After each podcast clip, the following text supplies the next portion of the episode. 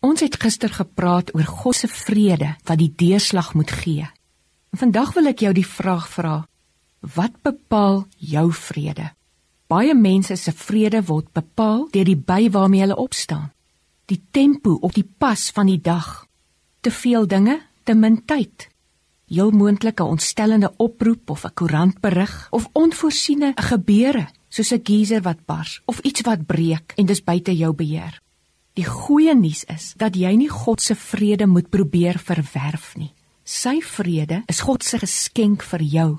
Dieselfde vrede wat Christus het, behoort ook jou vrede te wees. Jesus se woorde aan die vrou: "Dogter, jou geloof het jou gered.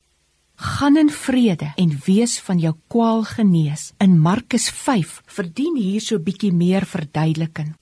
Onthou, die vrou is reeds genees, maar vir haar om permanent genees te bly, moet sy in die vrede van God inbeweeg. Jesus se woorde, gaan in vrede, is met ander woorde in die toekomstige tyd geskryf. Ek en jy moet in God se vrede inbeweeg en ons moet daarin bly om permanente rus te kan ervaar. Vrees keer terug wanneer jy jou vrede verloor om geseënd en gelukkig te wil wees, vra dat jy ingeskakel bly in God se vrede. Moenie toelaat dat eksterne faktore jou goddelike vrede steel nie. Vra die Heilige Gees om jou ingestem te hou in God se vrede. Sy goddelike vrede is sy geskenk aan jou wat jy nou al kan hê.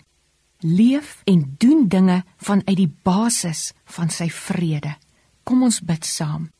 Here, ek weet nie presies wat hierdie dag vir my inhou nie, maar ek kies vandag om in U vrede te wandel. Ongeag wat vandag met my gebeur, help my om U vrede te beleef. Leer my ook om U vrede na buite uit te straal, sodat my geliefdes en kollegas ook iets van U vrede kan beleef.